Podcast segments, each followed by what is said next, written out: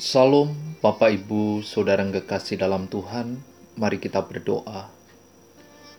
Bapa di sorga, tak henti-hentinya kami memohon hikmat dan pengertian untuk memahami firman-Mu.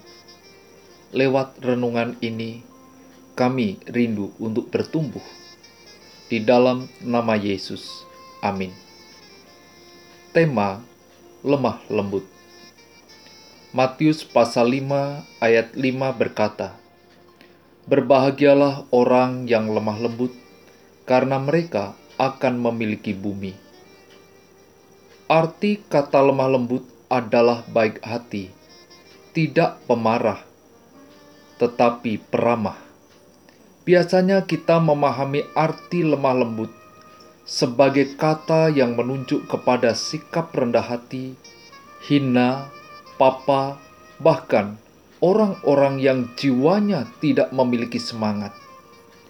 Lemah lembut biasanya menggambarkan orang yang kurang cekatan, kurang terampil, dan lamban. Kata lemah lembut yang digunakan dalam Matius pasal 5 ayat 5 mengandung makna ektis yang besar bagi orang-orang Yunani. Musa disebut lemah lembut itu berarti ia dengan rendah hati menundukkan dirinya pada kehendak Allah, kepada yang lemah lembut. Berbahagialah orang yang lemah lembut, adalah orang yang selalu menundukkan dirinya pada kehendak Allah.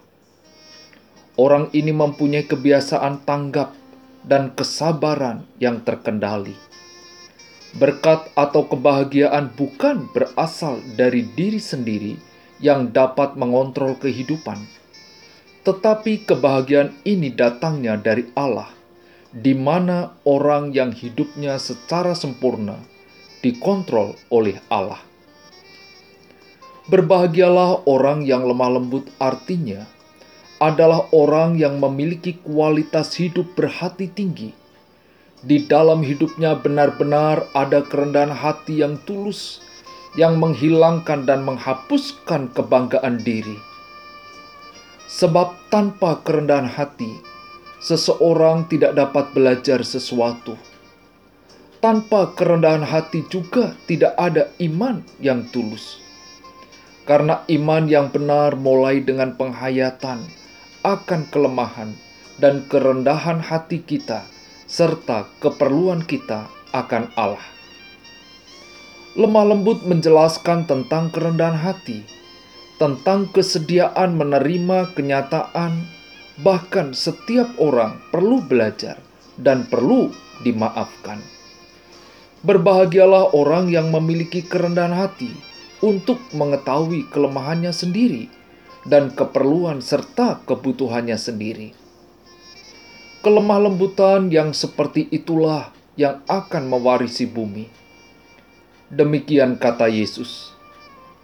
Kenyataan sejarah telah menunjukkan bahwa orang-orang besar di dalam sejarah adalah orang-orang yang hidup dengan kontrol diri yang kuat, dengan kesabaran yang tinggi, tanggap, cekatan, terampil, dan dengan disiplin yang kuat.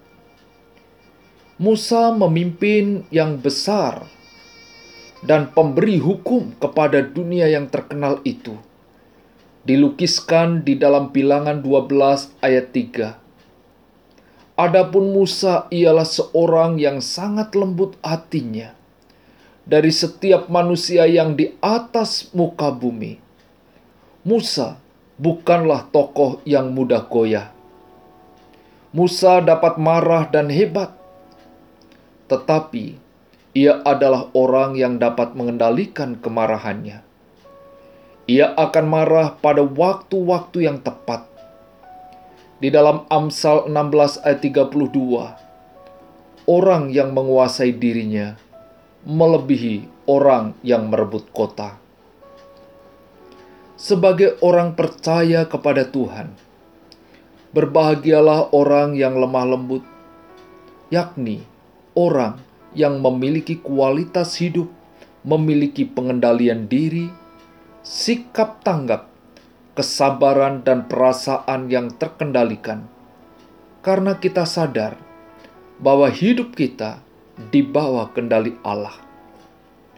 Dengan demikian, hendaknya kita mempunyai kerendahan hati untuk mengakui kelemahannya sendiri, karena orang yang demikian itu akan memiliki bumi. Bagaimana, saudara? Sudahkah memiliki kualitas hidup lemah lembut? Mari kita berdoa.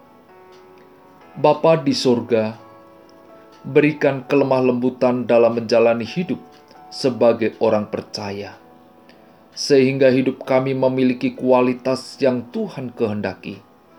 Di dalam nama Yesus, amin.